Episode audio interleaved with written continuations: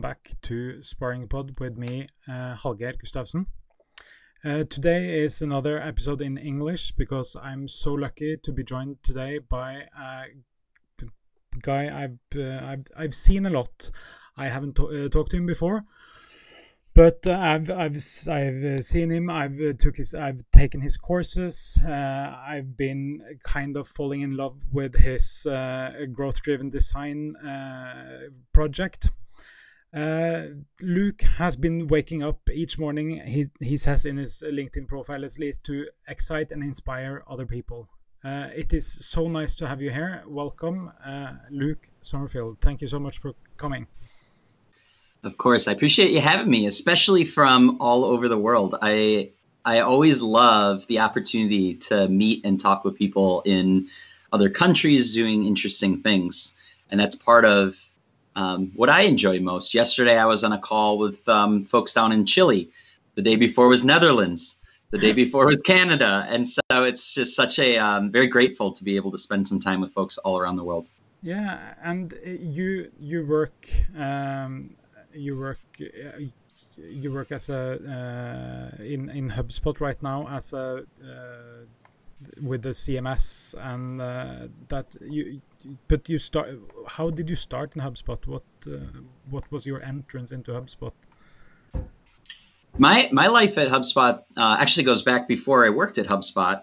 Um, before I worked at HubSpot, I was at uh, at an agency. Yeah. We were growing an agency. We were a um, web development shop, and for about the first three and a half, I was there for about three and a half years. Um, we were partners of HubSpot, selling and servicing Yeah. websites and um, inbound marketing with clients. And that agency ended up going on to getting acquired.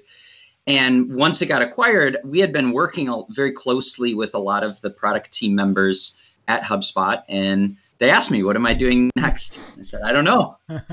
so um, they hired me without a role. They didn't know what I was going to do. They just knew we'll find something We'll find interesting something, for you to do. and um, which is really the, the history of my career at HubSpot and beyond is um, when they came in, a lot of a lot of my history at HubSpot has been them putting me on interesting projects that that no one at the company is quite tackling yet. They're looking for someone who they know there's a problem there, and there, there's an opportunity, and they need to find um, some way to get some traction on that. And so at the time when I started, one of our this was now five years ago. Yeah. When we started at the time, one of our biggest um, focuses, one of Halligan, our CEO, wanted more people doing interesting things on our CMS. Yeah. Um, and so that was my task. And um, quite broad so to speak it was. Um, but you know, we had a lot of coming from the agency world and knowing that so many agencies use our CMS with their clients. That's Mhm. where we started to focus was how do we get our agency partners doing more interesting things on our CMS and. Throughout the last five years, it's been quite a little tour of duty around HubSpot, starting in the agency program, moving to um, the marketing team and the academy team, doing the certifications. Yeah. And then the last three years, I've been on the product team, first focusing on developers and building helping build with with other team members an experience for developers the people Yeah. coding on top of hubspot and then the last year has been focused on launching our newest hub which is the reimagined cms and so that's what we launched on april 7th um, just Yeah. about two months ago Yeah, yeah. I, I have to admit I haven't had the time yet to take a look at the the, the new hub. Uh, I have to admit, but uh, it is on my to do list actually. Uh, but uh, but your background is quite uh, diverse. You started up as uh, with graphic design, uh, or am I misremembering? Uh, I originally started going to school. So actually, it, it, kind of an interesting story where I think a lot of this all came in was when I was real young. The thing that I was really into was paintball. You know, like the little Yeah, the guns, yeah, yeah, ball. It was like my big thing. Yeah. And when I was in high school, we were having to do about an hour drive to the closest paintball store to get any supplies. Yeah.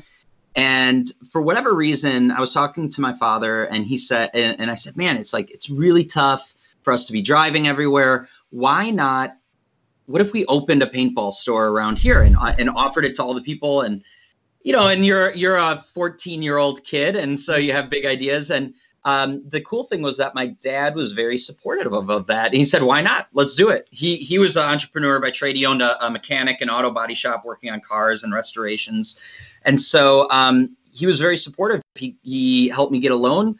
We opened up a shop. Eventually, we opened up a field, and that was what I did during high school. Was I built up um, a business, had six employees.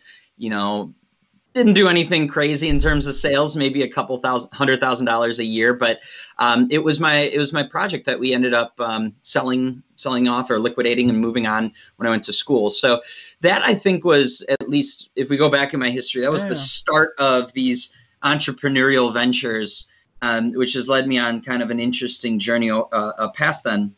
And so when I was at school, when I was at university, um, I double majored in marketing and business and on the other end was graphic design was was design yeah. and uh, with a focus on visual design.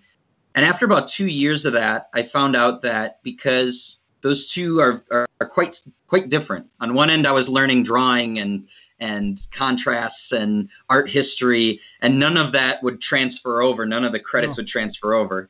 So after about two years i said well i'm going to just put design i'm going to learn independently.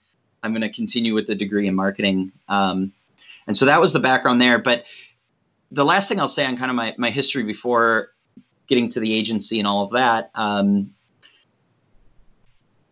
I always had it like an entrepreneurial itch because before, after, after we sold the paintball store, I said, okay, I'm going to focus on school. That's going to be my sole focus. And of course, three, four, five months later, I started getting the itch. and so I got a, um, I got a check from school to help pay for my living expenses. Um, but I was like, I'm not going to spend this on living expenses. I'm going to spend this on a new venture. And so it was, it was about uh, maybe 1600 euro.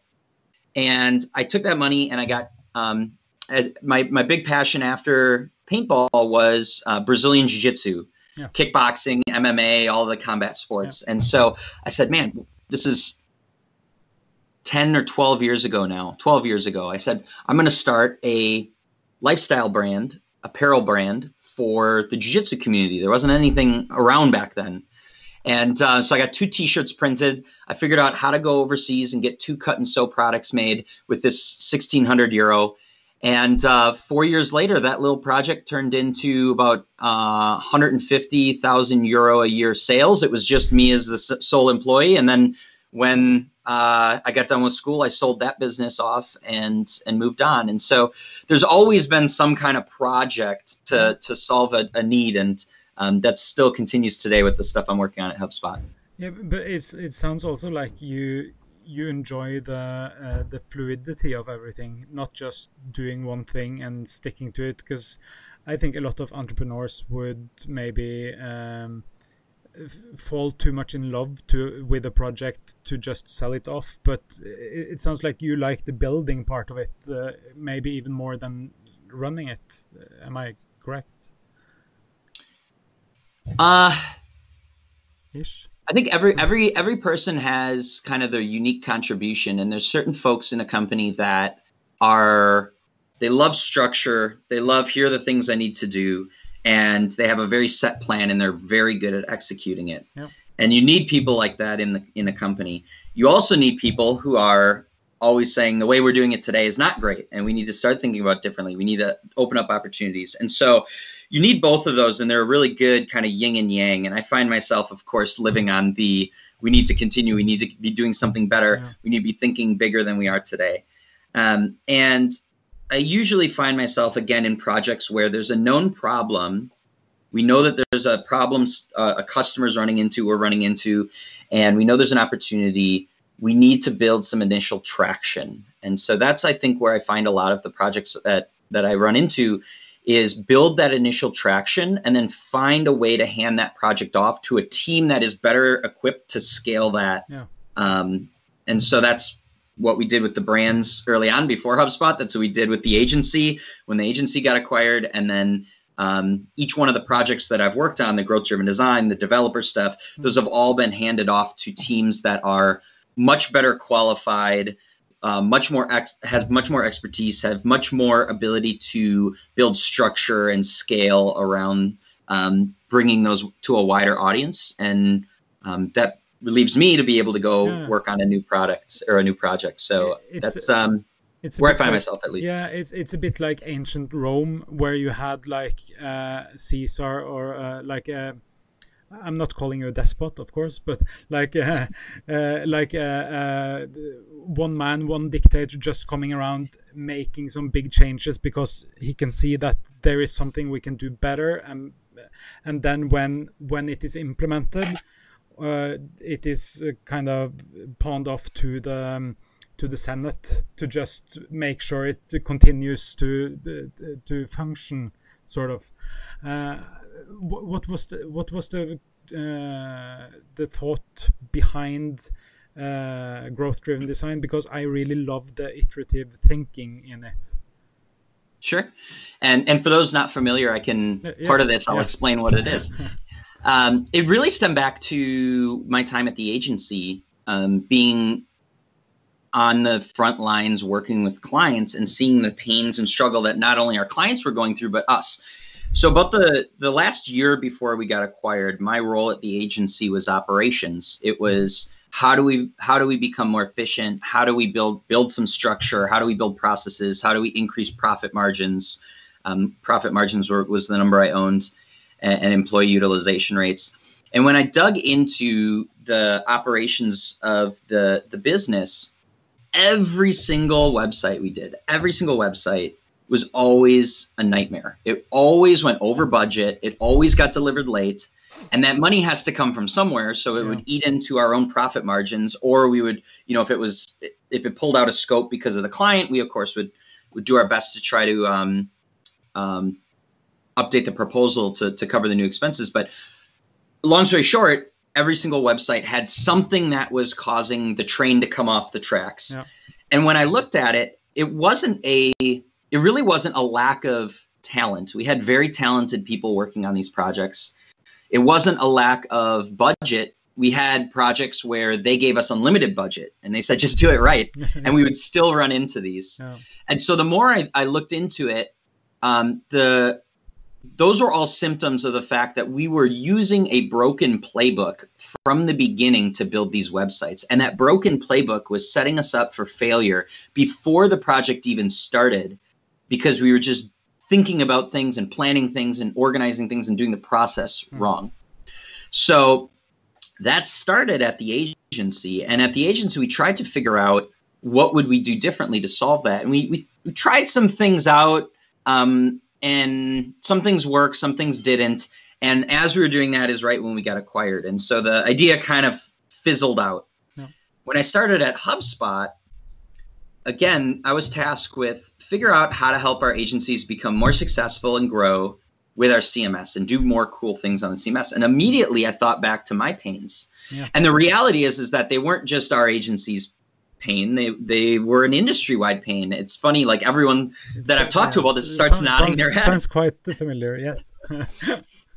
and so um and so I embarked on figuring out if I launched an agency tomorrow, what would that like start fresh, clean mm. slate. What would I build for a process? And um, we put that playbook together. We branded it as Growth Driven Design, as is the name. And um, that's essentially the new playbook for building a peak performing website. Yeah.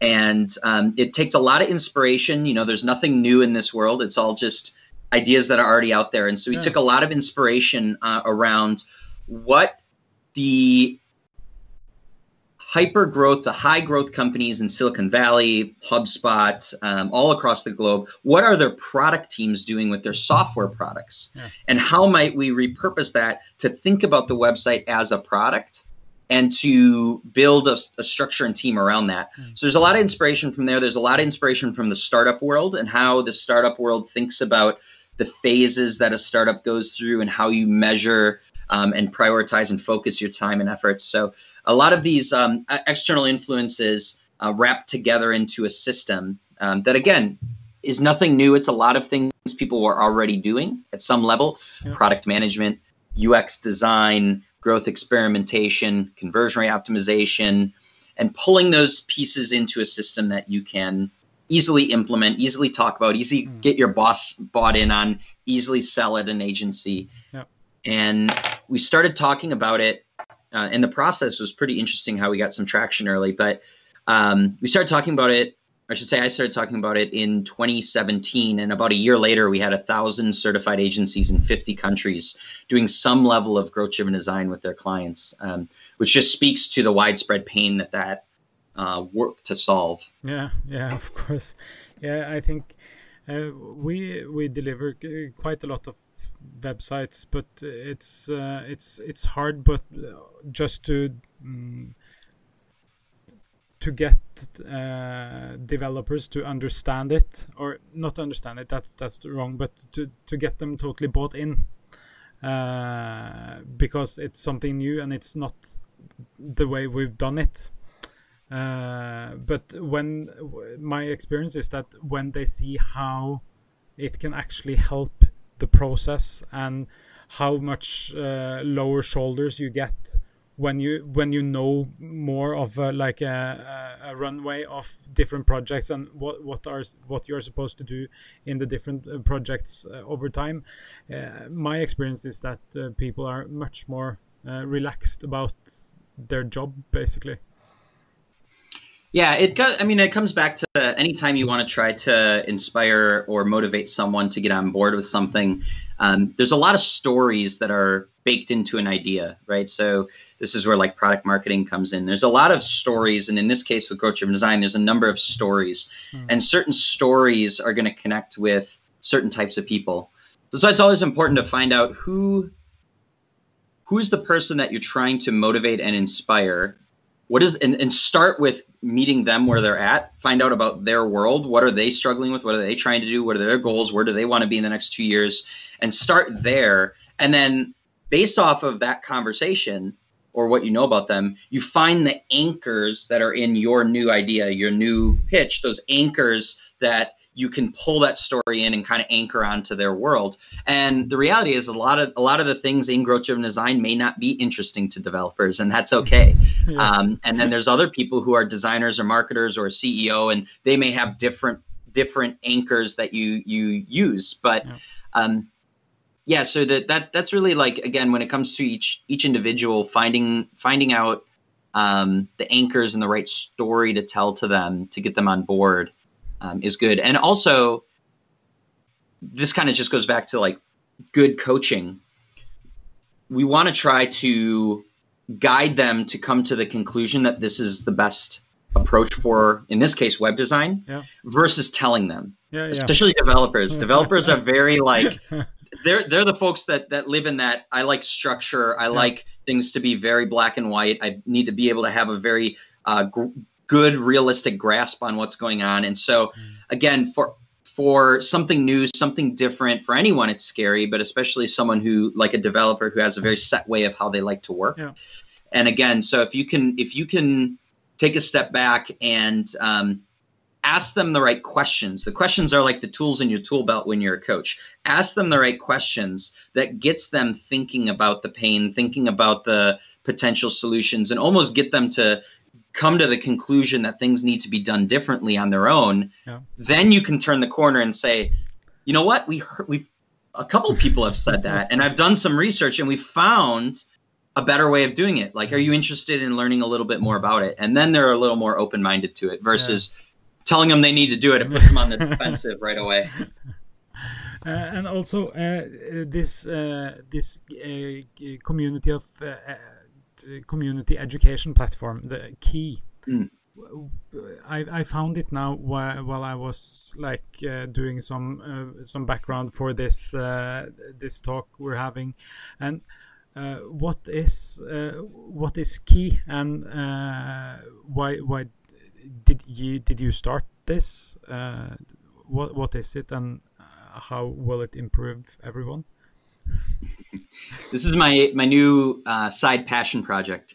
Yeah. So uh, there's no shortage of fun things to do. I try to keep, you know, my mantra last year was to do to simplify and do less better, and I think I've done a poor job of that because I take on fun projects. But my my new my new project, uh, side passion project, and this is totally separate from HubSpot. Yeah, yeah. Um, what I saw, so I'm very, very passionate about education, and I, I have a firm belief that each and every one of us inside of us already have the opportunity to do great things in life and to unlock bigger potential, bigger greatness than what we maybe believe. And the way to do that is through education, through learning, but also through working and collaborating with other people. Mm. You know, we as humans are, are social creatures. And so when we surround ourselves that have with people that have knowledge, that have been there, done that, they can help us grow faster and better than if we were to try to do it ourselves. And so when I took a step back and looked at my life in the education world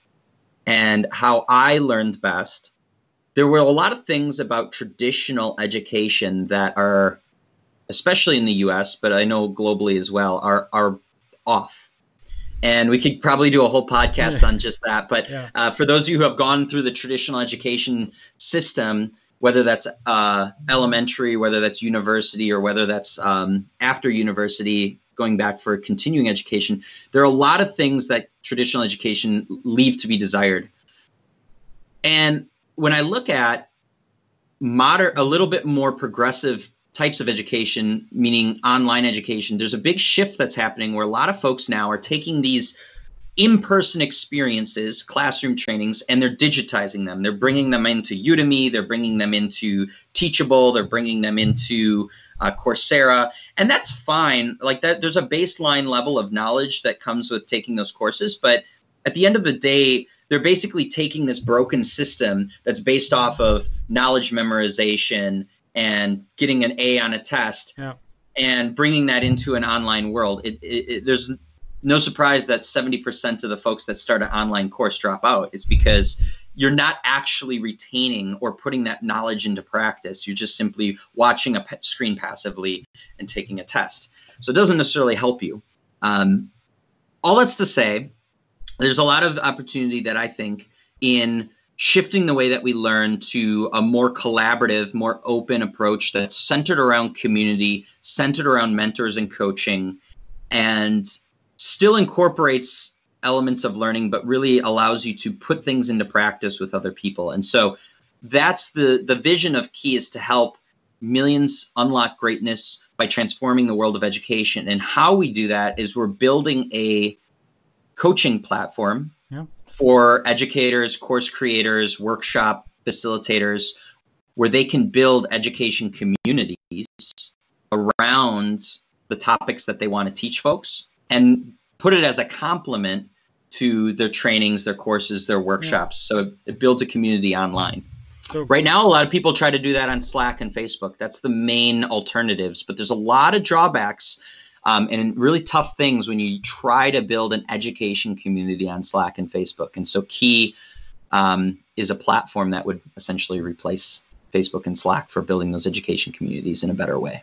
Yeah, because uh, I'm thinking uh, one of the main drawbacks I see as uh, as using uh, Facebook groups, for instance, as uh, educational spaces you have all this uh, all this uh, noise around you uh, that basically is taking everything uh, taking your attention away from everything. It's it's facebook is normally not the place where you go for education. Uh, and i'm saying that as a guy who has uh, like a webinar group for for my business where where I invite people that are joining our webinar and doing uh, training. But I, I, can I can see that it's not it is not necessarily the best uh, environment for learning. Yeah, there's two sides to the coin. So for you as a business owner, you know, and for anyone who's a course creator or yeah. a workshop facilitator um, or a coach, the two sides are how do we how do we help my community learn. So there's a learning aspect, which is yeah. what you're talking about now. The other side is how do I build a business around education products? Yeah. And how do I build a business around um, and build the proper upgrade flows and the proper access levels and charge for the right things? And how, basically, how do I structure and build a business around it? And so Key works to solve both of those problems. It, it's a platform that has features and functionality built into it to enhance the learning experience um, beyond what Slack or, or Facebook ever could because they're not really built for Mm. education. But at the same time, we're building in tooling for coaches, for educators, for course creators to be able to accelerate or build a business around the coaching products or the education products that they're creating. Um, and so we could probably get into like all the details, but that's really the high level of key Yeah. and what we're doing there. Again, right now we're in a very early beta. Um, it's only we've only really opened it up to a few few folks, um, but so far folks have been active. We were chatting on it earlier today and messaging, Yeah.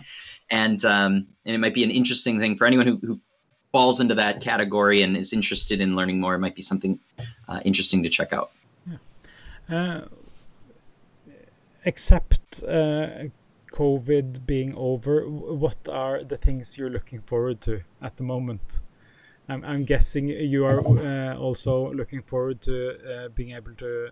Are, are you like grounded or uh, are you do you shelter in place? Is it it's called in in the US, isn't it? Every every state in the U.S. is a little bit different, just like Ah, every yeah. country Yeah. in EMEA is a little bit different. Uh, I live in California, and California, um, generally speaking, was quite a bit more strict. And so, yeah, for a number of weeks, it was not going out, not doing anything. But over the last uh, month or so, it's slowly been opened Yeah. up, and to the point now, this last week, it's opened up quite a bit where um, the beaches are now open and you can sit on the beaches. At first, you could only go there to surf or go there to run. You couldn't actually sit, you had Yeah. to be active. Now they're open to sit. A lot of the parks are opening up. We have a lot of national parks here, Yeah. which are starting to open up, uh, which I miss. So I, I'm excited to see them open. And um, businesses are starting to be able to open with, of course, a lot of rules and regulations and capacity. So it's getting um it's it's getting a lot more um open than it than it was of course but um you know we're also seeing in, a- in a number of the states where they start to open up too quickly Mhm. and then they they have to kind of roll it back because they Yeah. start seeing spikes in numbers so we'll see what we'll see what happens we're But but you're at the uh, home office at the moment. Yeah, I work um, about two years ago, two and a half years ago. I, I used to live in Boston and work out of HubSpot headquarters for about three years. And about two and a half years ago, I moved uh, to work full time out of um, San Diego, Ah. which um, so I've been remote now for for two and a half years. So we've been fairly fortunate in the sense of like the lockdown and the the COVID situation hasn't necessarily impacted us in terms of we don't have kids, so we don't have like extra responsibilities throughout the day. Uh, we are already my wife and I were both already working remotely, so we were okay, comfortable with with being able to do that. Um, so we're very fortunate that it wasn't as much of a change in our life, but um, Yeah. yeah, I, I tried I tried having uh, uh, like a normal job where I, I'm the CEO of a digital marketing company and having homeschool for my six year old and nine year old while my my wife is essential an essential worker. So she was uh, uh, she was at her job uh, out of house and being a CEO uh, and teacher and uh, caretaker um, it's it's a lot man.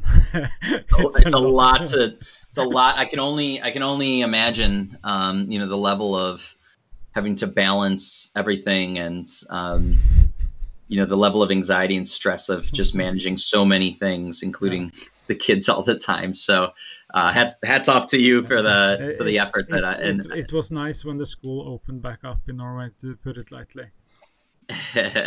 Uh, but what kind, what other kind of things are you looking forward to then, uh, except the the obvious uh, COVID sit- situation? Well, what normally at HubSpot, so if we look at it through the HubSpot lens, normally at HubSpot, the the biggest thing that we look forward to in the second half of the year is our big conference inbound. Yeah. And this is normally held in Boston. We have about 30,000, 25,000 people who Yeah. come from all over the world. It's a big party. We have a good time. And it's the time when we also use as a milestone for the company to release a lot of new products, a lot of new features. So, um, you know, in some ways, this summer for us in the CMS side, um, the world, the business unit, and the world that I live in, um, we did our big launch two months ago, and so uh, that was the that was the big thing to look forward to. Of yeah. course, at Inbound, we, we we already are working on new products. We're already improving what we have. Mm-hmm. We're helping support some of the other product launches that are happening. So, um, you know, the the work continues. But um, what I'm most looking forward to is actually just a little bit of a downtime after so much uh, build I think of this very much like a musician. You know, a musician, they go into the studio and they work really hard on building an album. They release the album and then they go on tour and they're chatting with everyone. Like right now, I'm on tour. We yeah. did our big release two months ago. Um, now every day I get the opportunity to chat with folks. And at a certain point, that'll fizzle out and we'll get to take a little bit of downtime to, yeah. to relax. So that's probably the thing I'm most excited about, along with um, you know, we have a number of new projects in the works. We're doing a lot of three and five year planning. Um, and of course, for me, I'm always, I always enjoy those bigger vision ideas and the yeah. bigger where the market's going. So those conversations are always really fun for me as well. Uh, do you have like a process uh, for uh, working out ideas for things, or are you one of those lucky bastards that just gets them out of nowhere? Uh, I mean, I definitely have some luck. That's for sure. I think we, you know, the folks that the folks that are um, launching things. If you if you've launched anything, it's there's always an element of luck, no matter no yeah. matter what they think. Um, so there's some luck behind it as well. But uh, I mean, we do have a, pro- a process. At, at the end of the day, again, it comes back to having a deep understanding. One of one of my the two numbers that I own are customer happiness and success on the product, which we measure with a Net Promoter Score (NPS) for CMS Hub. And on the other end is revenue, growing the business, right? So anything that falls in there lands in my bucket in some way, which is pretty much everything. Yeah. And so, um, in order for me to have a good understanding of our customers being successful and is the the business generating revenue, that requires me um, and the other go to market leads on the product team to have um, a very deep understanding of on this side, on the NPS side, it's our customers and the market and what people are struggling with. On this side, it's a lot of internal stuff, basically the internal stakeholders, mm. people, teams, individuals. What are they struggling with? And um, so there's a, I think that's where it all starts. Is just having a regular pulse, a regular converse, conversation with multiple people yeah. uh, or your communities to find out what are they struggling with. And being very smart about prioritizing those pain levels. And you prioritize those pain levels based off of frequency. How often do you hear this particular um, pain point come up? Mm-hmm. And then depth. How painful is this? Is this a deal breaker or is this like, you know, a little poke it's in the side? But yeah, yeah so those there's there's ways you measure that but that's essentially the two generally speaking and there's there's sometimes there's an urgency factor. If there's yeah. for some reason something that pushes some urgency into needing to act faster even if it's a little bit lower pain um, you know sometimes there's there's certain certain reasons to do that. And so you look at you look at those and you you prioritize those pain points and then you start working on them and working on them a lot of times at, at HubSpot and a lot of other places is is um, the proof is in your action. It's not in talk. You know, show don't tell. And so we always find a way to um, explore different options for solving that, and then not only just explore it, but then build out a, a pilot, build out a prototype, build out something um, to gain some initial traction that you're in fact the solution you put together in fact solves that original pain point. So you know, there's the whole again, it's a lot of inspiration of what comes around with the lean startup community and the, and the things that like Ash Maurya is talking about in starting lean and running lean. Um, and just thinking about how you go through the process of building a business, but in this case, it's not a business; it's just a an individual yeah. solution for a problem. Yeah, it sounds like uh, it. It sounds like you uh, you have the process through collaboration, if I uh, if I understand you correctly, uh, which uh, also uh, also kind of uh, builds up with all the other things you're doing, like with key and stuff. So yeah, uh, it makes sense absolutely. yeah, there's there's two different ways to get work done. My my my previous boss, Angela Franco, who's um, head of product or runs product for the CMS uh, product team. She she would describe it this way. We would talk about it. So you can you can make a project happen using brute force. Mm-hmm. And that means I'm going to hustle, I'm going to grind, I'm going to put all the hours in, I'm going to get I'm going to get the work done on the doing the hands-on work. You can also get a project done through inspiring and motivating other teams to take that project on and work on it with you. Mm. And so my my n- nature is to actually do the the first one, which is like hustle, grind, put the work in. I'm gonna like get my hands dirty to build this out. That's how I built the original growth driven design stuff. Yeah. And over the last two or three years, I've been developing my skills in the other side of it, which is actually finding out the root problem and starting there, and then painting a picture of what the vision of the world would look like if that problem was solved, and then getting other people in the organization, um, other teams, other departments that are all across the org pulled together, the right people to solve that problem, pull them together um, and motivate them to to prioritize it and take action on it. And so sometimes when a problem comes up in HubSpot, um, sometimes I have to, depending on what it is, I always try to start with working with other people and enabling them to get get some progress done. Yeah. Sometimes they just take it on and they they roll with it, and that's the that's great. That's best, yeah. Sometimes uh, the problem is so wide sweeping and it doesn't fit into anyone's bucket. And so I need to become a facilitator. I need to be the person who's organizing, collaborating, aligning, and getting these individual yeah. people from all over the organization to work together. And then we um, and then we work to solve it. And sometimes there are scenarios where it's me rolling up my sleeves, putting you know no one else is helping in terms of in terms of direct direct hands-on work. They're of course helping with consulting and informing, and yeah. I can do research, but um, every project's a little different. It depends on the stage of the company, the stage of where the teams are at. It depends on the magnitude of the problem. Um, so it's a little little of all, all of them. But that's how I think about attacking problems with, with people and with it myself. Sounds, sounds like you're working uh, quite strategic at uh, getting other people's goals aligned with your, uh, which is really uh, really smart. Uh, it also sound sounds a bit like uh, if have you read uh, Great at Work?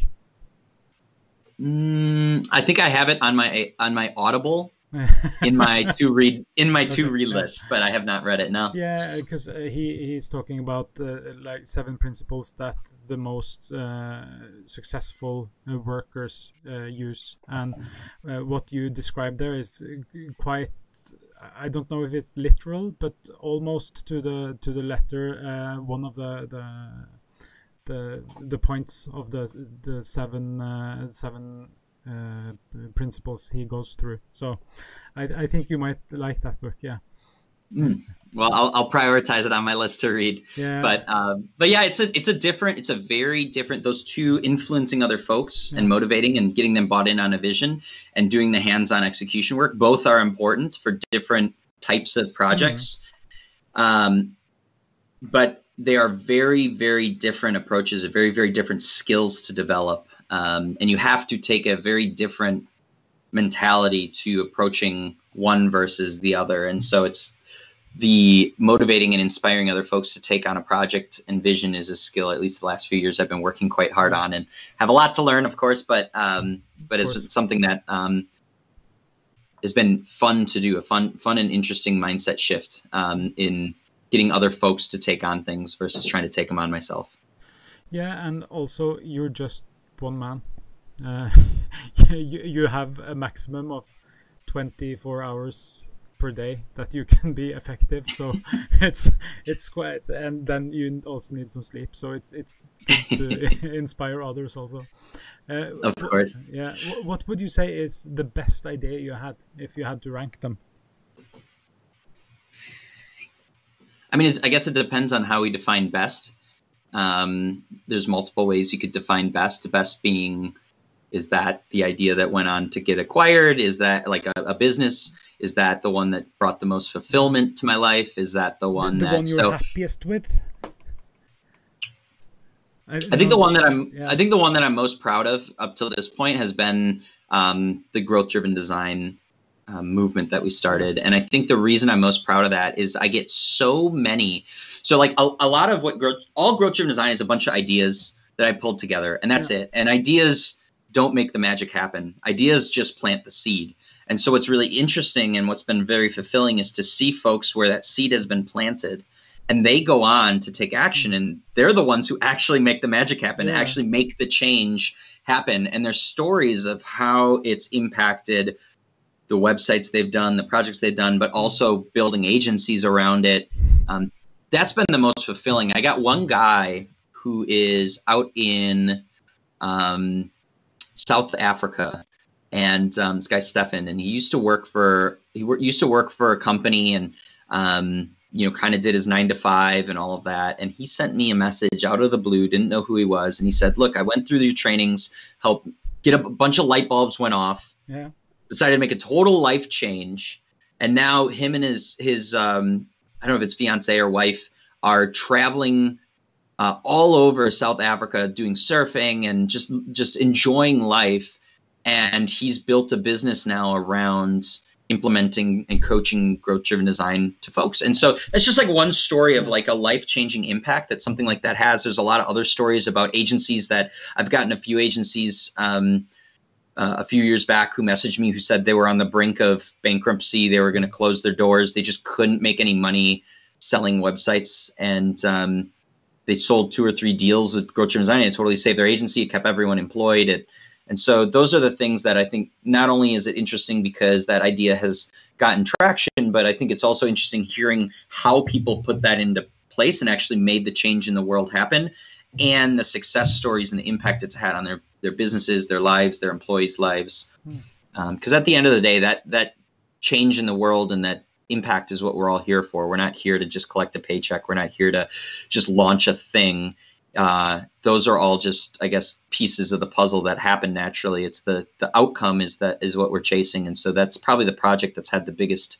outcome up to this point in my mm. career um, of course my new projects the the hubspot stuff and the key stuff is is my hope is that it blows that out of yeah, the water and has course. a bigger impact of course uh, what would you say is your worst idea then I have a lot of bad ideas. I think most of the people I work with, most of the people, I was just thinking about this yesterday. I think most of the team uh, that I work with get so annoyed with me because I pull them in so many different directions, right? You have people who are those, I need structure, I need direction, yeah. I need to just be cranking execution workout. And a lot of times I bring a lot of things to them. And um, I think that probably pulls them in a lot of different directions. So um, probably out of the every hundred ideas I have, ninety of them just fall flat. you just start, but but here's the thing: is you gotta you gotta start talking about them with people.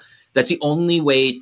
Like you can, I, I can sit and I can journal about something as long as I want, but as long as it stays in my head, I'm never the, the idea is really never going to evolve. Mm. It only evolves when you go out and you start talking about it and hearing the questions yeah. hearing the friction, you know, the the walls that people have, yeah. the defensiveness, the excitement, seeing the emotions that that idea comes, and as you're doing that, you start to very quickly see should I continue down this path of developing out this idea or should I park it somewhere and move on to something different? And so 90% of my ideas um, or hey, we should think about this or hey, have we have we explored this? They just mm they aren't they aren't there they're not there and that's okay yeah. but until you actually go out and talk about them you, you don't you're not able to determine that um, so to more directly to your your question um, i guess ideas that didn't didn't pan out there's a lot of a lot of my ideas too don't pan out because i get really excited about them i think i have the capacity to take them on or i think someone has capacity to take them on and we just yeah. don't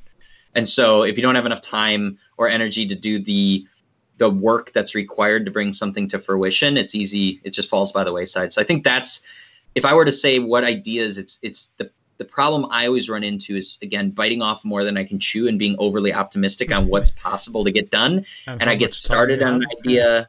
Yeah, how much time? and I get started on an idea, and it, it becomes very very clear this idea just doesn't have.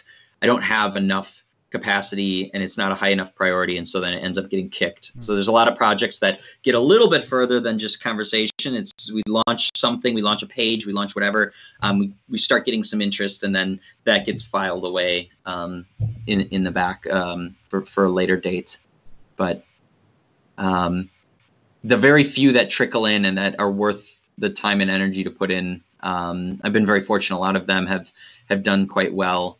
Um, doesn't mean there's not a lot of screw ups along the way. yeah, but also a bad idea can also be the like the springboard from for someone else to to improve on your bad idea and to actually pull the goodness out of it. And yeah, so you never know. You never know where like experiences will show up in your future. There's a lot of things that I was doing with the with the clothing brand, with the paintball store that when that that chapter in my life closed, I was like, all right, that's it. I'll move on. Yeah. And then I get into some project five years later, and that project has some element that's that yeah. other folks on the team are struggling with that five years ago yeah. was a part of that previous project, and I could I could bring that experience or that insight or that um, that particular idea forward. And so it's it's funny with relationships with projects you never know where they're going to go you never know when i when i was at the agency i would have never guessed that the people i was collaborating with at hubspot later would hire me and put me in a position um, where i'm at so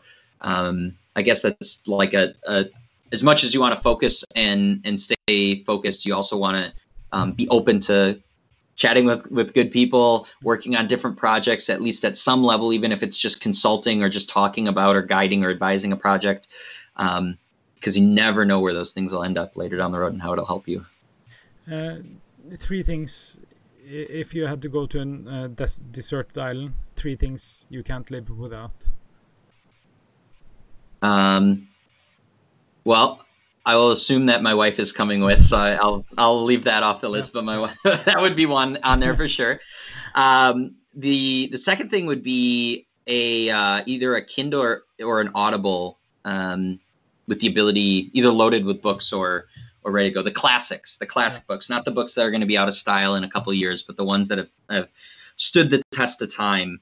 Um, that would be the first thing because you can read a book so many different times and get so many different meanings out of it, depending on the context of your life, where your brain's at. And that's what I do quite frequently when um, going back to these projects. Anytime there's something, there's there's two topics right now that I'm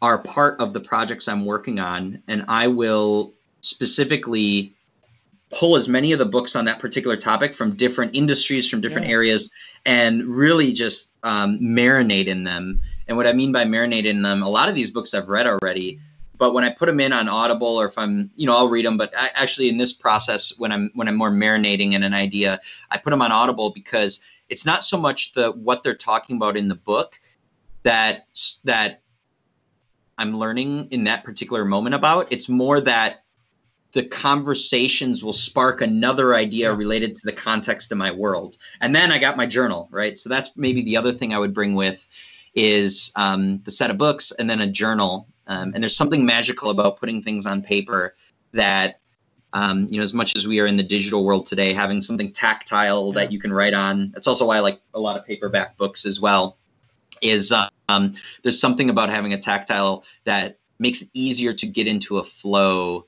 um, at least for me and, and from a lot of people I talk. So I think a journal would be the second one. Um, and the third one would,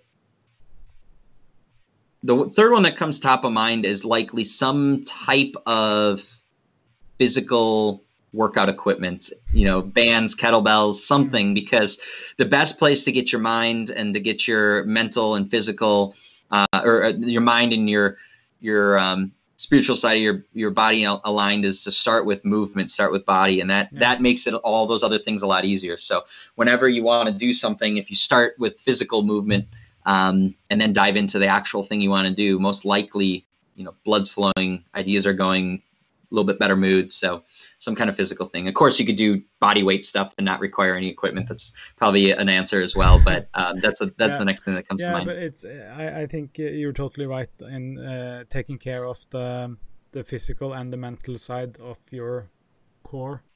Uh, it's it's uh, important, and uh, I I recognize the uh, challenge that it actually has been during COVID and uh, the lockdown, and to to keep uh, to keep both sides kind of happy uh, because mm-hmm. uh, yeah I I've, I've I've felt on the brain rot to put it lightly. that's I mean that's one of the one of the now the quarantine was an extreme example of this, yeah. but that happens with folks that work remotely all the time too. There's a certain level of distance and uh, we call it cabin fever yeah. in the US where you're like stuck inside and you get anxious and um, I find myself as someone who works fully remote dealing with that on whether we're in quarantine or not because that's just part of working remote. And so um, but yeah I, I i view five aspects of life five pillars of life. There's physical uh, fitness there's mental fitness there's social fitness family friends community. There's um, financial fitness which is career debt investments. And then there's spiritual fitness. And spiritual fitness doesn't necessarily mean religion it just means um, contributing to something greater than yourself and being a part of something bigger than yourself.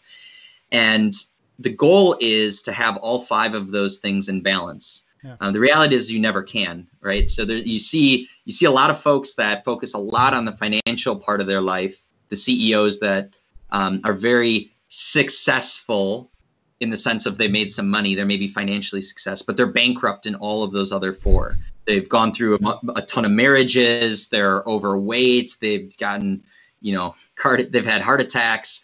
And so um, I don't, in my definition, that's not what success is. Oh. Then you have the other people that are the bodybuilders, right? And they're maybe like physically successful, but they're living out of their friend's basement or their parents' homes. They they can't pay their bills, so they're not financially successful. Maybe they're going through depression because they're they're um, you know just in the gym all the time and they don't have a, a community around them yeah. to support community.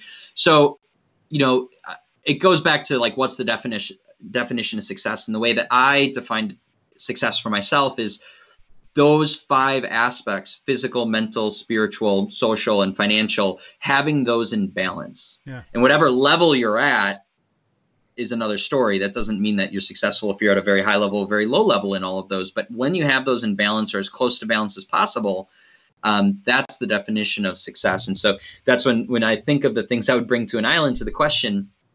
We have some physical stuff. The books are are mental. You know, the journal. You know, obviously is a blank canvas, so it can be used in many ways. Bring, yeah. of course, bringing my wife is the social. So I would really bring things that would fulfill those five uh, areas and allow me to keep balance on on those.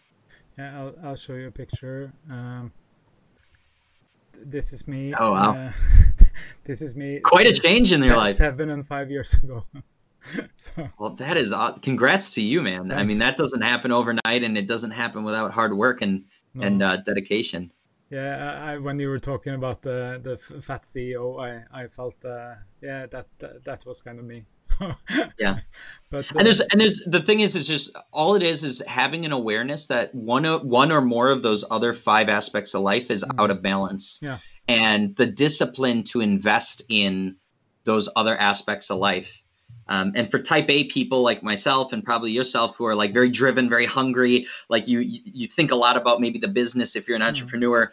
Um, it takes a certain level of discipline and understanding that you need to invest. You need to pull some of that energy back from the phys- the, the financial yeah. aspects of your business of your life and invest in the mental, invest in the spiritual, invest in the the um, social, knowing that although it may feel that your business is not growing and those you should spend your time more on your business they actually everything's all connected yeah. everything is all connected and when you spend time in the mental side of your life in the physical side in the social side it's going to make the ideas the conversations the the mental patterns you're using in your business that much better um, so it's all it's all connected as much as we want to kind of compartmentalize things you really need to invest in all of it and it's going to all all tides are going to rise when you invest in all of those. Yeah. Uh, what what are your uh, uh, favorite apps?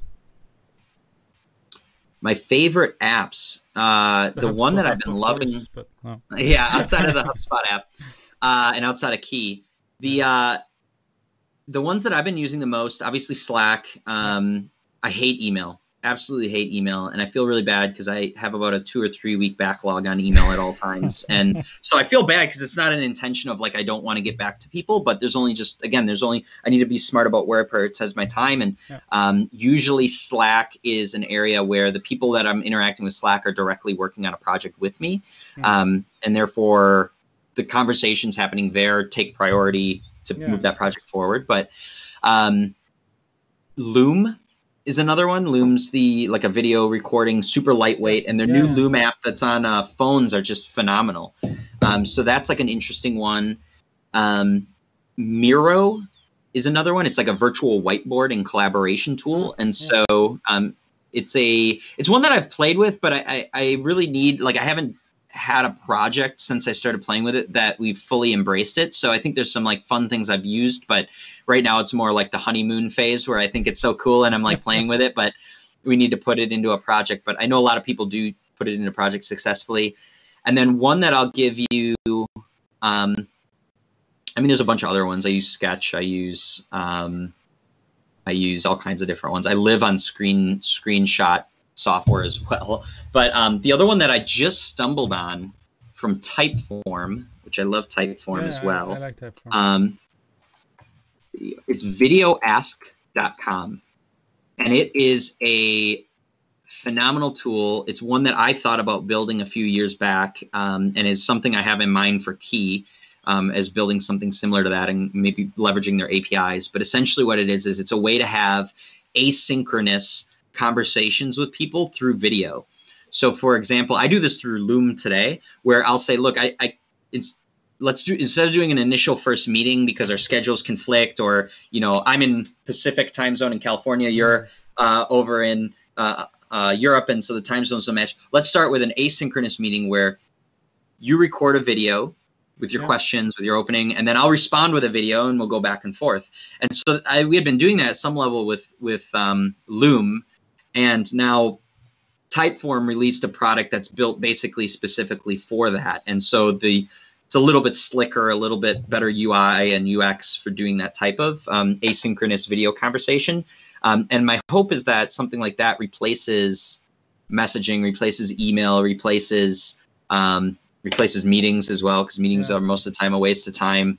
So um, Yeah. it's it's a very interesting app that I'm keeping an eye on, but still has a le- level of personal personality, a level of human connection with the video, and Yeah. versus something that's text. Cool.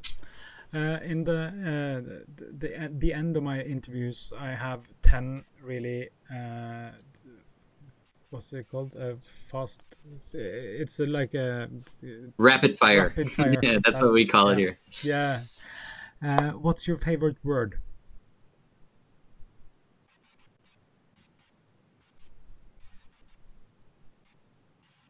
My favorite word is right now is rad.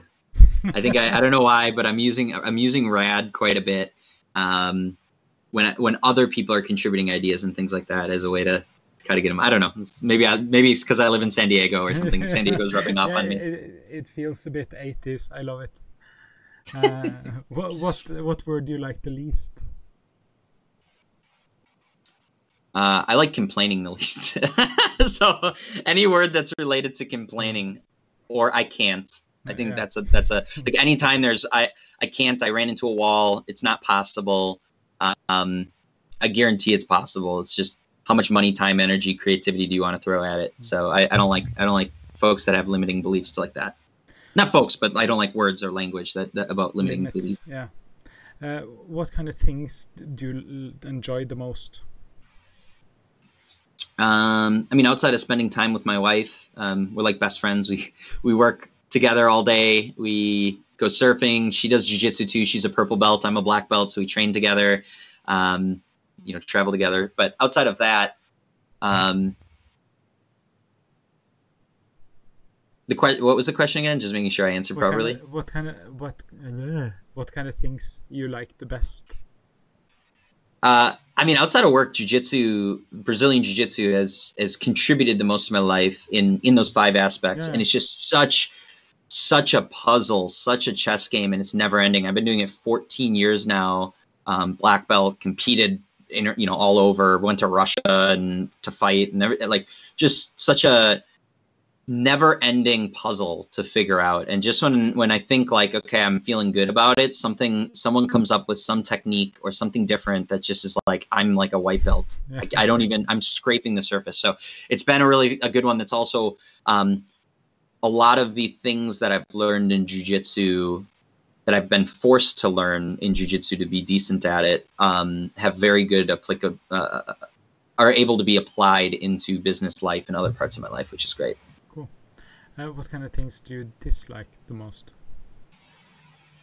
Well, politics, yeah. politics, politics, and complaining, religion. yeah, I just, I, I, guess things that are outside of my control that yeah. cause things that are outside of my control that cause negativity.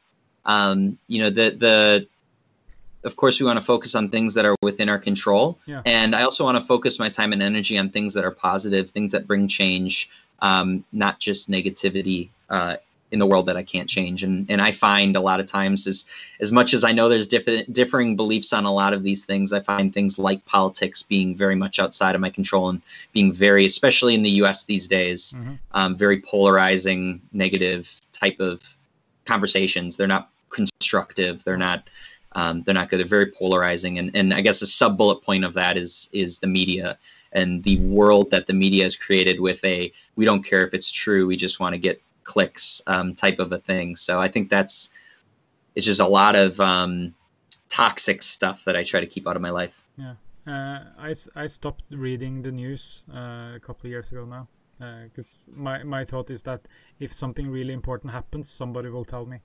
So yeah, it'll it'll get to you some way if it's important and it affects you. Yeah. Uh, what's your favorite sound? My favorite sound is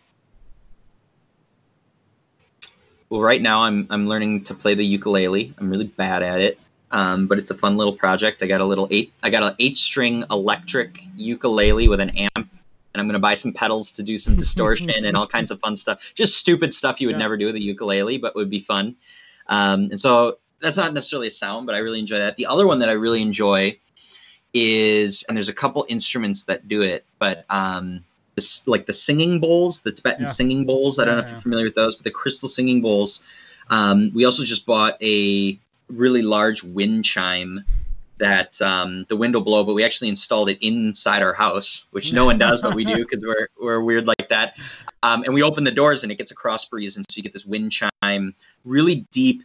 And the reason I love those sounds, and my wife loves those sounds, is that it just there's something about the frequencies that, and, and there's science behind a lot of this too, is the frequencies just cause you to get the tingles and it causes yeah. you to just feel good and so those are those are the, nice the brain tickling uh, yeah yeah, so those are uh, those are I guess in terms of pure sounds, um, those Tibetan bowls, and there's a few other like instruments that do something similar. But have you heard uh, glass harmonica?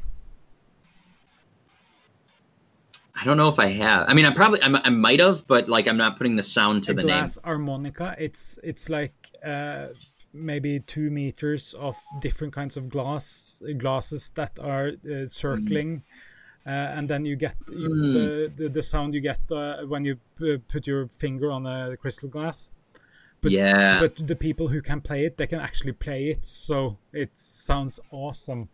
Uh, yeah. I know what you're talking about now that now that you you describe it. Um, yeah, I've I've I've listened to that. And it does a very very similar thing. It starts getting your your yeah, yeah, hair standing on end and your your mind going. It's good. Uh, what kind of sound do you hate? Um, I hate. It's funny because I used to. The answer probably changed. I used to love cities, big cities, and I think as I've gotten older, I've grown to appreciate nature a lot more. And so um, I know there's people that absolutely love big cities, and I think I was in that boat previous in a previous life. Yeah. But um, these days, big cities, um, it just gives me anxiety, and it also just makes me think about uh, a lot of the pollution and a lot of the harm that we're doing to, to nature um, by not surrounding ourselves with it. So I think big cities and cars and construction and all that stuff. What's your favorite curse word? Fuck, for sure. If if you were to have a profession uh, outside the one you're having uh, at the moment, what what would that be? Um, I mean, it would go back to why I get out of bed every morning, which is to help other people unlock greatness yeah. and unlock more greatness. And so then, then there's lots of ways you can do that. Of course, I'm trying to do that at HubSpot, and I'm trying to do that through software, and I'm trying to do that through coaching agencies. But I think it's, I think it's, um, uh, coach and educator doing workshops, and I, I'm almost positive that that will be what I will be doing um, at some level in the in the near future. I already do it. You know, things like this, things like I do a lot of workshops. I do a lot of things already today, but um, maybe that, but finding new areas that I can run things. Those five other pillars of mm-hmm. life, other areas outside of just business and work and marketing. Like there's a lot of other interesting things to do, workshops and trainings and education on and coaching. What profession would you not have? Um, I mean, the first one that jumps into my mind quickly is lawyer. Um, I, have always been very allergic to to law. I mean, they have like one of the highest depression, uh, which is sad, but uh, the highest depression out of all all careers. And um, until my my most recent, when we launched CMS Hub, I worked with a really, really, really good lawyer, Matt. And I the reason that I liked him is because I always felt whenever I work with a legal team, I'd always put it off until I couldn't put it off anymore and I, because I would always feel like I'm hitting a wall, and it's always like negativity hitting a wall, yeah. like stopping us in our tracks. Um, and a lot of times it's it's for reasons that are never going to happen. It's just that's their job is to try to like yeah. think of all the potential risks and yeah. and block things of things that will never happen. Um, Matt, on the other hand, was really really good. Where we brought him in right in the beginning, and he was such a good partner for guiding us and so that's the difference. It's the difference mm-hmm. between him helping guide us to still get to where we want to be, but do it in a way that's that's safe and reliable and and, and we're good versus hitting a wall. And yeah. so I think I don't know. Anyway, long story short, probably lawyer. Yeah. or accounting. I, I hate I hate accounting. I hate accounting. I need I need people around me who can fill that part because accounting and finance and all that is so important, absolutely important, so smart. And at HubSpot, I'm lucky enough we have a lot of really good people that are good with that. Yeah. And so we work as a good yin and yang, but I, I hate it myself. Yeah. I'm not good at it. Uh, if heaven exists, what would you have God tell you when you arrive there? Um, this is maybe my, my California person in me, my hippie in me, but, um, and this is something I believe, whether it's God tells or not, is, uh, or if you believe in God, um, that when you boil all things down uh, to very very core it's it's fear and love and those are like the things that we do in life um, all boil down to fear and love and the things we don't do in life are fear and love and so um, i don't know maybe just some some reaffirming knowledge that it all boils down to fear and love and um, all the other stuff that we have, all the problems, everything all boils down to fear and love. And so the more you can embrace love in all aspects of life, uh, to yourself, to other people, to projects, to nature, to, to everything, um, the more good you're going to have. And the more you can release yourself of fear, um, the less you're going to be held back. Nice. And uh, with those words, uh, I thank you so much for for joining me today. It was a pleasure having you here yeah, it's so much fun. I don't I don't get the opportunity to talk about a lot of things outside of just um, HubSpot hmm. and marketing and web design. And you know, I'm fortunate to have a lot of conversations on that, but to have a conversation about all different things um, and some deeper thinking is always really fun. So I appreciate you getting the conversation, having me. Well, uh, thank you so much. Uh, if you could hold uh, just a couple of minutes uh, to all the other people, have a wonderful weekend uh, and uh, speak suddenly.